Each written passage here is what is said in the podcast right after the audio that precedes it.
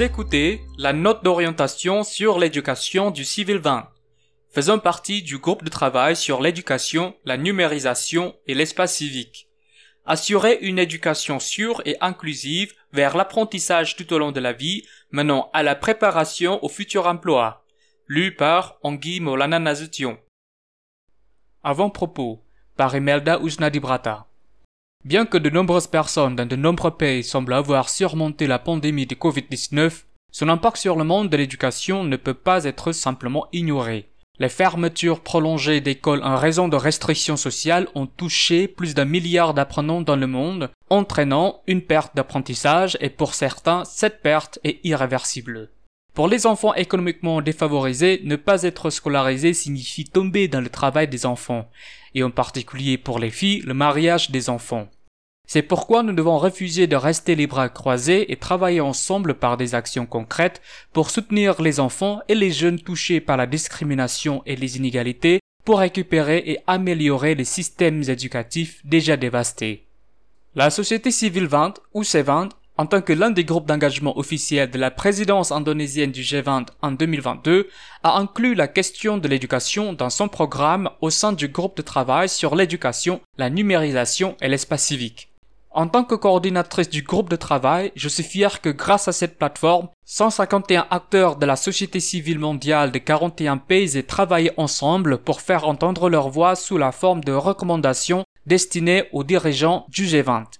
Cette note d'orientation du sous-groupe de travail sur l'éducation du C20 fait partie du Policy Pack 2022 du C20 qui a été remis le 6 octobre 2022 au gouvernement indonésien qui assure la présidence du G20 en 2022.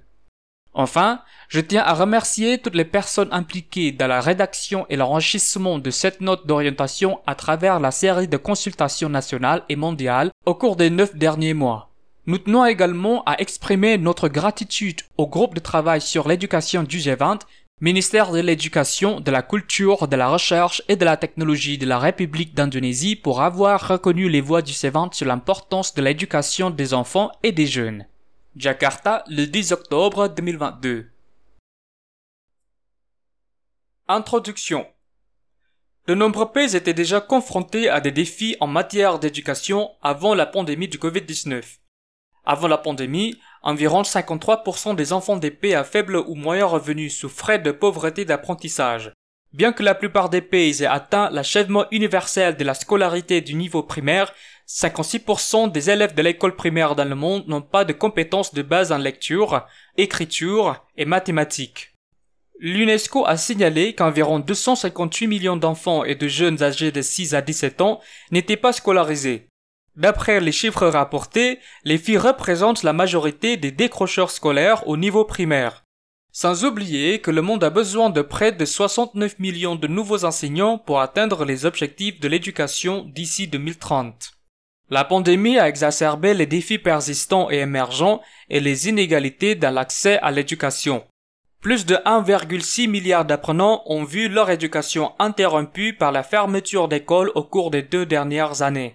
Les fermetures prolongées d'écoles ont aggravé les disparités existantes en matière d'éducation. De nombreux pays qui avaient de mauvais résultats d'apprentissage avant la pandémie avaient également tendance à avoir des fermetures d'écoles plus longues, ce qui a exacerbé les inégalités entre régions. De plus, en ce qui concerne les conséquences économiques, la génération contemporaine d'apprenants pourrait perdre jusqu'à 17 000 milliards de dollars de revenus à vie en valeur actuelle en raison des fermetures d'écoles, ce qui représente 14% du PIB mondial actuel. La pandémie de Covid-19 a entraîné l'essor des technologies éducatives ou EdTech alors que les écoles sont passées des salles de classe physiques aux salles de classe virtuelles. Par exemple, les fermetures d'écoles ainsi que les fermetures d'établissements d'enseignement non formels ont entraîné un passage rapide aux modalités d'apprentissage en ligne et à distance. Cela a creusé la fracture numérique, désavantageant davantage les apprenants issus de groupes marginalisés. Ici, les groupes marginalisés comprennent ceux qui sont victimes de discrimination en raison de facteurs multiples et croisés, tels que leur statut socio-économique, leur identité de genre et leur sexualité, leur capacité, leur situation géographique, leur statut de migrant, leur langue, leur appartenance ethnique, leur religion et leur caste. Ces conditions réduisent certainement leur capacité en lecture, écriture et mathématiques, augmenteront le potentiel de perte d'apprentissage et le nombre d'échecs ou d'abandon scolaire et des programmes d'apprentissage tout au long de la vie en raison du manque d'accès aux services éducatifs pour les groupes marginalisés et vulnérables. Le Covid-19 a également modifié la nature du travail et cette tendance entraînera des écarts plus importants dans les exigences en matière de compétences. McKinsey a prédit qu'en 2020, 25% de la main-d'œuvre aurait occupé des emplois qui n'existaient pas auparavant. Et on estime que ce nombre passera à 85% en 2030. De plus, plus de 100 millions de travailleurs dans les pays observés pourraient avoir besoin d'effectuer une reconversion professionnelle, une augmentation de 12% par rapport à avant la pandémie et une augmentation pouvant atteindre 25% dans les économies avancées. Dans des moments comme ceci, alors que les dirigeants mondiaux se concentrent sur la réponse et la reprise à la pandémie de Covid-19, ils ne doivent pas négliger le rôle crucial que joue l'éducation dans le développement durable global. Ils doivent en faire une priorité dans le cadre d'une reprise inclusive, résiliente, transformatrice et durable. Il est donc plus essentiel que jamais de tenir les gouvernements responsables de leurs engagements en matière d'éducation et de rassembler les familles, les enseignants, les institutions et les apprenants de plusieurs couches pour garantir l'accès à une éducation de qualité et à un apprentissage tout au long de la vie, maintenant et à l'avenir. Dès lors, trois questions prioritaires doivent être mises en avant. Au travers de la solidarité et du partenariat, les efforts pour reconstruire l'éducation ou la reprise de l'apprentissage pour tous sont 1. Assurer l'accès à une éducation universelle de qualité, sûre et inclusive. 2. Relier les technologies numériques accessibles dans l'éducation. 3. Promouvoir l'émancipation des jeunes pour une reprise post-pandémique plus forte et plus durable. Chapitre 1 Accès à une éducation universelle de qualité, sûre et inclusive. L'éducation gratuite et universelle est un droit humain fondamental et est essentiel au bien-être, à l'action et à la prospérité d'un individu. En 2015, 193 États ont adopté à l'unanimité le programme de développement durable à l'horizon 2030 et les 17 objectifs de développement durable, dont l'objectif 4 visant à assurer une éducation inclusive et équitable de qualité et promouvoir des opportunités d'apprentissage tout au long de la vie pour tous. Alors qu'une éducation de qualité doit être équitable et inclusive, 68% des pays ont défini l'éducation inclusive dans leur réglementation, mais seulement la moitié d'entre eux couvrent plusieurs groupes marginalisés. La pandémie de Covid-19 a aggravé la crise des apprentissages. Presque tous les pays à faible revenu ont fermé leurs écoles à un moment donné au cours des deux dernières années. Environ 23,8 millions d'enfants et de jeunes pourraient avoir abandonné l'éducation en raison du manque d'accès aux écoles ou de la baisse du revenu familial. En février 2022, la plupart des pays avaient entièrement ouvert leurs écoles, mais 46 pays n'en avaient que partiellement ouvert et 6 pays avaient encore leurs écoles complètement fermées. On estime que 10 millions d'enfants supplémentaires pourraient décrocher du développement de la petite enfance en raison de la fermeture des services de garde et d'éducation préscolaire au cours de la première année de la pandémie. Les fermetures prolongées d'écoles ont aggravé les disparités existantes en matière d'éducation. De nombreux pays qui avaient de mauvais résultats d'apprentissage avant la pandémie avaient également tendance à avoir des fermetures d'écoles plus longues, ce qui a exacerbé les inégalités parmi des régions. Les fermetures d'écoles et le manque d'accès au soutien à l'apprentissage ou au contact avec les enseignants et au matériel pendant la pandémie ont eu un impact dévastateur sur les niveaux d'apprentissage signalés dans le monde. Rien qu'en Indonésie, les enfants des ménages les plus pauvres ont des chances relativement plus faibles par rapport aux enfants des ménages les plus riches. Selon l'étude mondiale de Save the Children, 20% des enfants et des tuteurs d'enfants de 11 à 17 ans ont déclaré qu'ils n'avaient pas accès au matériel d'apprentissage. Les fermetures d'établissements d'enseignement auraient également entraîné une augmentation de la violence sexuelle, notamment des mariages précoces et de la violence domestique qui affectent la santé mentale des écoliers ou des apprenants.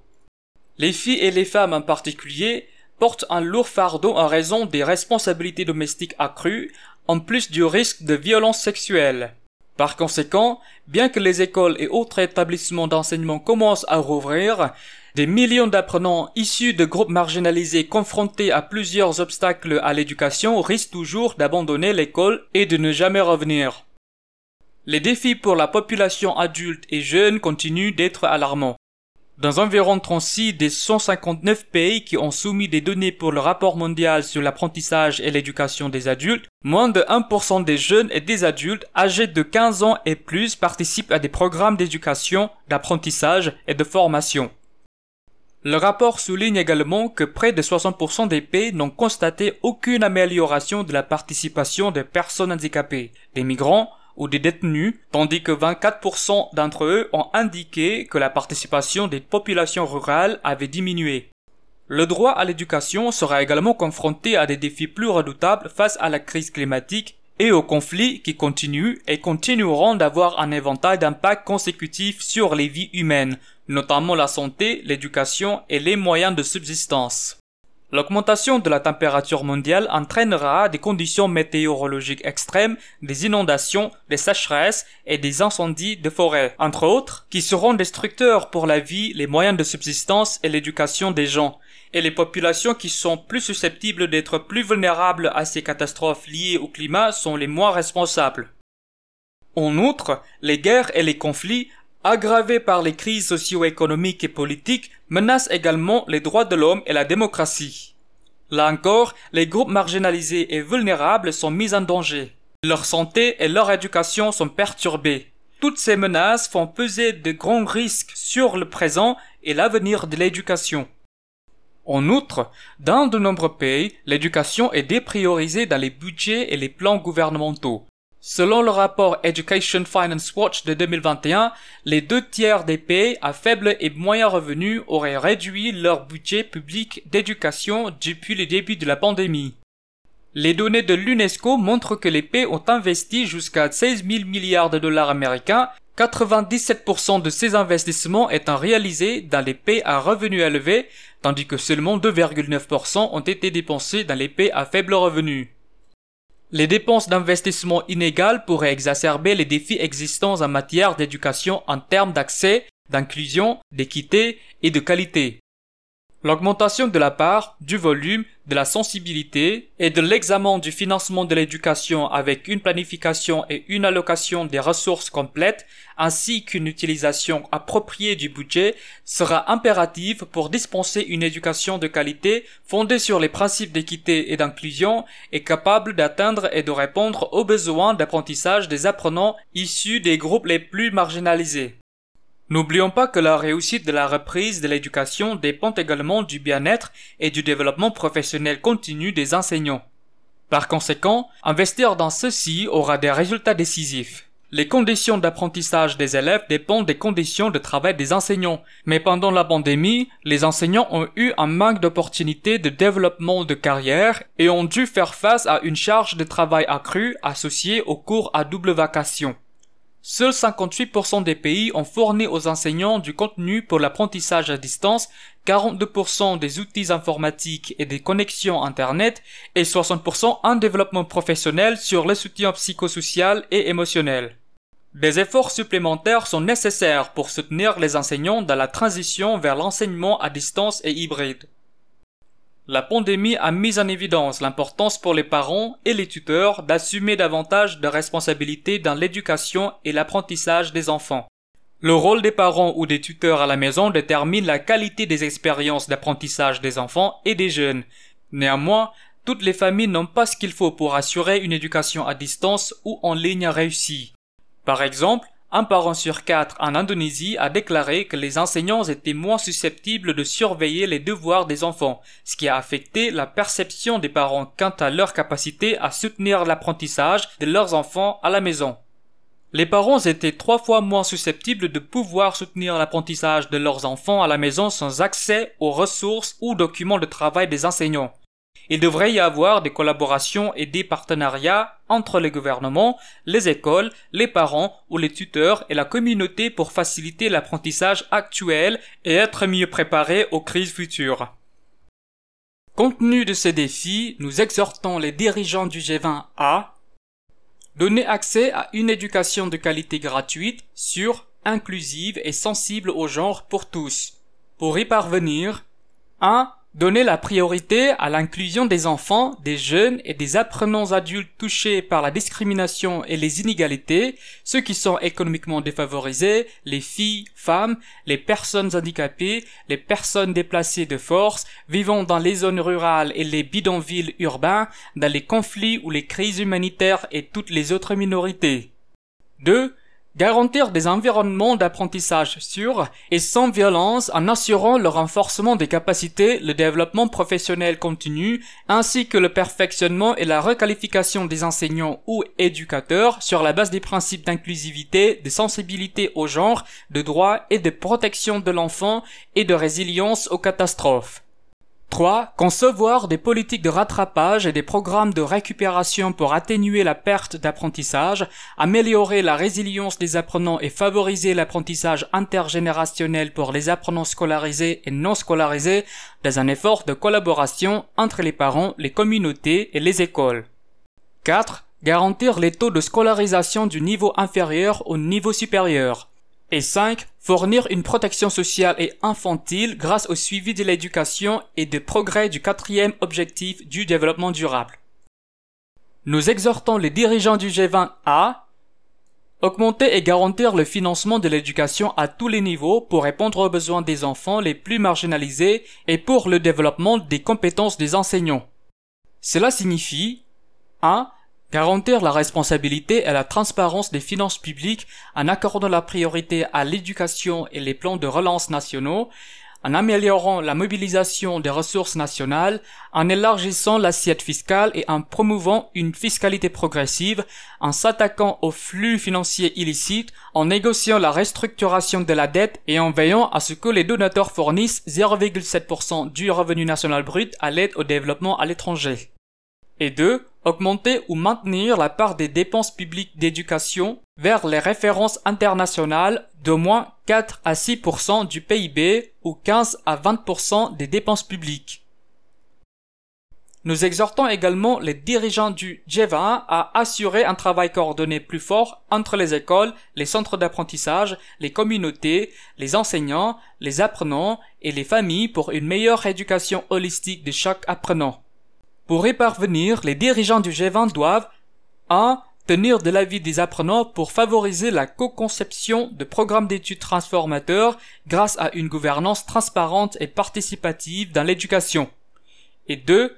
Inclure un engagement significatif des organisations de la société civile et dans la conception, la mise en œuvre, le suivi, l'évaluation, la mise à l'échelle et le soutien à l'élaboration des politiques. Chapitre 2 Technologie numérique et non numérique équitable dans l'éducation.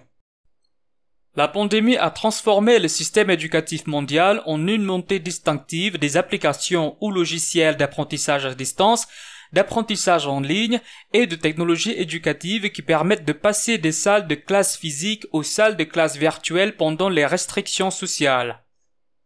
Le passage à l'enseignement et à l'apprentissage à distance a été la principale réponse politique immédiate pour assurer la continuité de l'éducation malgré les fermetures d'écoles.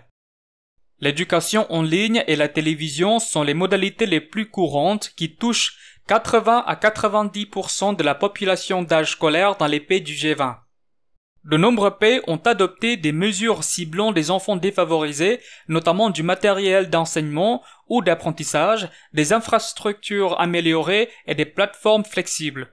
Les pays ont également mis en place des mesures de soutien pour les enseignants, telles que des instructions concernant l'utilisation des plateformes en ligne, un soutien professionnel, psychosocial et émotionnel ou des contenus pédagogiques adaptés à l'enseignement à distance. Bien que l'apprentissage mixte, c'est-à-dire présentiel et à distance, continuera peut-être d'être une stratégie d'apprentissage après la pandémie, la transition ne sera pas facile pour tout le monde. Adopter la technologie dans l'éducation n'est pas aussi simple que d'installer des outils informatiques dans les salles de classe. Pour les écoles et les enseignants qui ne bénéficient pas d'un tel soutien institutionnel, il est difficile d'intégrer la technologie et de s'assurer qu'elle est alignée sur les programmes et les objectifs d'apprentissage. Les enseignants trouvent souvent qu'il est déjà très difficile d'atteindre les objectifs du programme et les objectifs d'apprentissage, de sorte que l'intégration de la technologie peut entraîner des charges et des pressions supplémentaires. En outre, la mise en œuvre de l'éducation en ligne a révélé une énorme fracture numérique à travers le monde. Pour les familles les plus pauvres et marginalisées, une connexion Internet est toujours considérée comme un luxe. Les apprenants issus de familles pauvres, les personnes handicapées et ceux des zones rurales et éloignées sont souvent laissés pour compte en raison du manque d'accès aux outils d'apprentissage numérique et aux dispositifs technologiques. Alors que plus de la moitié des pays à faible revenu pratiquaient l'apprentissage en ligne dans l'enseignement primaire et secondaire, Seul environ un dixième des ménages des pays les moins avancés ont accès à Internet à la maison. En outre, la disparité de la fracture numérique entre les pays riches et les pays pauvres est à l'opposé, avec 87% des enfants et des jeunes dans les pays riches ayant accès à Internet à la maison contre moins de 6% dans les pays pauvres. Le nombre total d'enfants et de jeunes qui n'ont pas accès à Internet à la maison est d'environ 900 millions. Dans le cas des adultes et des jeunes, le cadre d'action de Marrakech récemment adopté lors de la septième conférence internationale sur l'éducation des adultes indique que de nombreux pays ont encore du mal à atteindre des niveaux d'alphabétisation adéquats, y compris l'alphabétisation numérique, et à combler le fossé considérable entre les sexes. En outre, le rôle du secteur privé dans la prestation de l'éducation en ligne et son influence croissante dans les processus décisionnels en matière d'éducation accéléreront la capture par les entreprises des modalités en ligne, ce qui aggravera les inégalités existantes et émergentes de l'éducation, compromettant ainsi le droit à un accès à une éducation de qualité, inclusive et équitable. Covid-19 a également créé une, entre guillemets, véritable tempête de conditions qui ont alimenté une augmentation de la violence et des abus sexuels envers les enfants à travers le monde. L'utilisation intensive d'Internet a conduit à la montée de la violence facilitée par la technologie. Les fermetures d'écoles et les restrictions sociales ont augmenté le temps d'écran non supervisé des enfants, et les preuves suggèrent que beaucoup plus de jeunes enfants ont été initiés aux plateformes numériques. Depuis la pandémie, certains pays d'Europe ont connu une augmentation de 50% des abus sexuels sur des enfants en ligne, tandis que les Philippines ont connu une augmentation stupéfiante de 265%. D'autre part, l'Inde et l'Australie ont également connu une augmentation des recherches et des signalements de contenu d'abus sexuels d'enfants de 95% et 125% respectivement. Par conséquent, l'utilisation des technologies numériques dans l'éducation devrait s'accompagner de mesures de sécurité et de mécanismes de protection de l'enfance plus solides. Il existe également des problèmes de confidentialité alarmants concernant les logiciels éducatifs qui doivent être résolus avec des rapports selon lesquels certaines applications collectent les informations personnelles des élèves. Selon un rapport de Human Rights Watch, 89% des 164 logiciels éducatifs observés semblaient se livrer à des pratiques de collecte de données qui mettent en danger les droits des enfants. Ces produits avaient la capacité de surveiller les enfants sans leur consentement ou celui de leurs parents. Ils ont directement envoyé ou accordé l'accès aux données personnelles des enfants à 199 agences de publicité. Cela souligne la nécessité de protéger les données personnelles sur les plateformes d'enseignement en ligne grâce à des lois actualisées sur la protection des données et la confidentialité, avec une mise en œuvre et une application stricte des réglementations relatives à la participation du secteur privé à l'éducation afin d'empêcher la mainmise des entreprises sur les modalités d'apprentissage en ligne. Il est également important de noter que toutes les technologies d'apprentissage ne conviennent pas aux apprenants handicapés. Les apprenants ayant des besoins spéciaux se sont heurtés à des obstacles en raison de l'absence de l'équipement requis, du manque d'accès à Internet, de matériel accessible et du soutien nécessaire pour suivre les programmes scolaires en ligne. Outre les technologies numériques, on estime que 9,7% des personnes âgées de moins de 18 ans ont besoin d'une technologie d'assistance. Ce chiffre est réduit à 4,3% en excluant ceux qui ont besoin d'aide visuelle. L'obstacle le plus fréquemment signalé à l'accès aux technologies d'assistance dans les pays étudiés était l'abordabilité, le manque de soutien et le manque de disponibilité. Il est alors essentiel de répondre à la fois aux besoins de technologies d'assistance et de technologies numériques adaptées aux personnes handicapées pour les apprenants ayant des besoins particuliers. Compte tenu de ces défis, nous exhortons les dirigeants du G20 à développer une infrastructure de connectivité numérique et fournir des installations d'apprentissage hors ligne et en ligne pour un accès égal à l'éducation. Dans cette entreprise, les dirigeants du G20 doivent 1.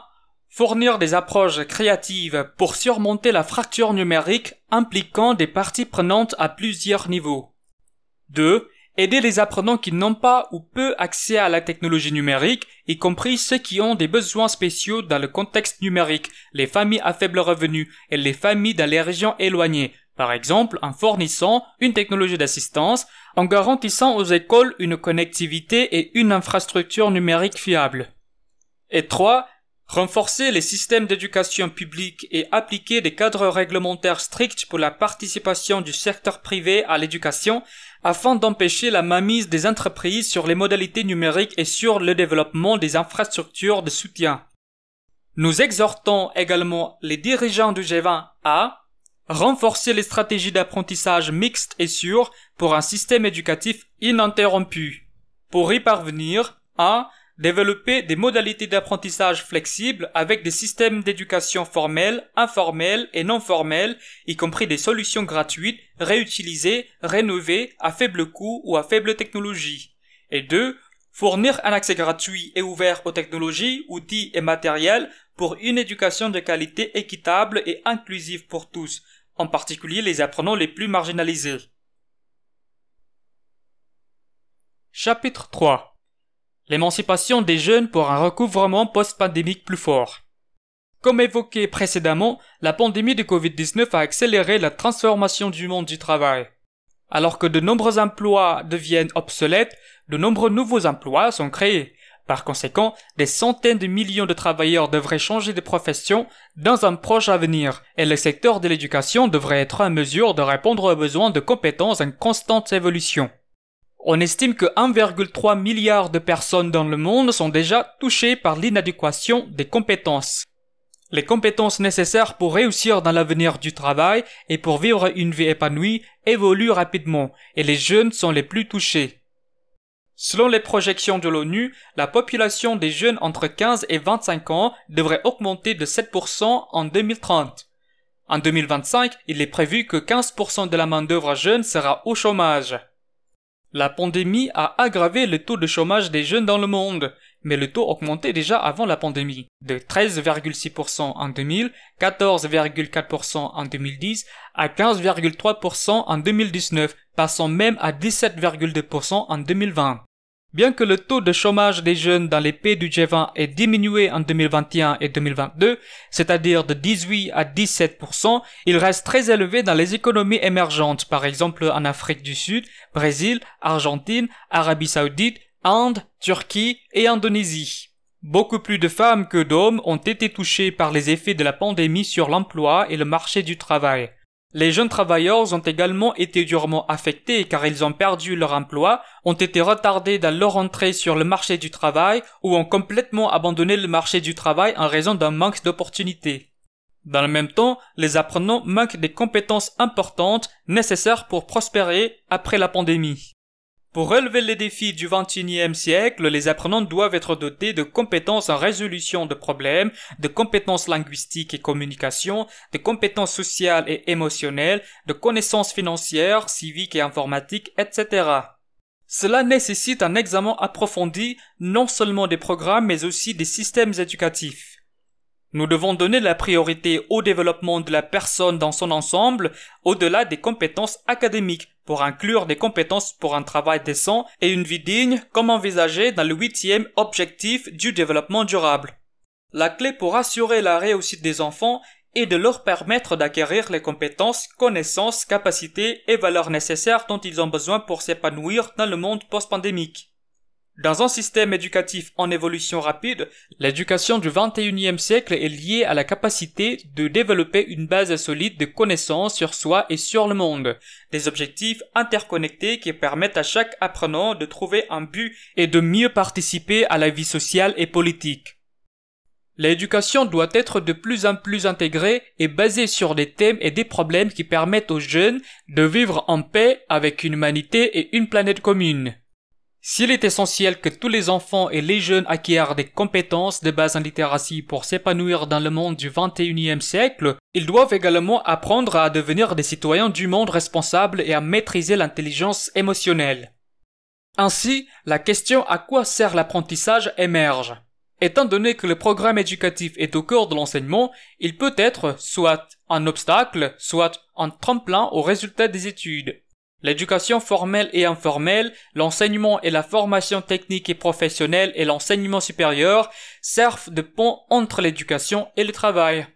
Ceci dote les apprenants, en particulier ceux qui sont marginalisés, des compétences dont ils ont besoin pour jouir de moyens de subsistance décents et productifs, ainsi que pour développer un sentiment de dignité et de bien-être.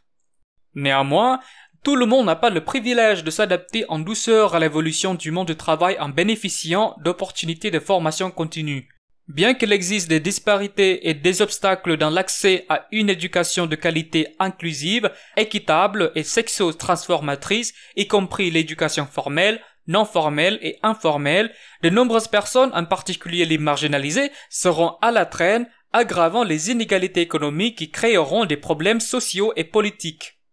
Par conséquent, tout comme l'éducation primaire et secondaire pour les enfants, les gouvernements et les parties prenantes devraient également investir davantage dans l'éducation non formelle et informelle, y compris l'enseignement et la formation technique et professionnelle et l'enseignement supérieur selon les besoins.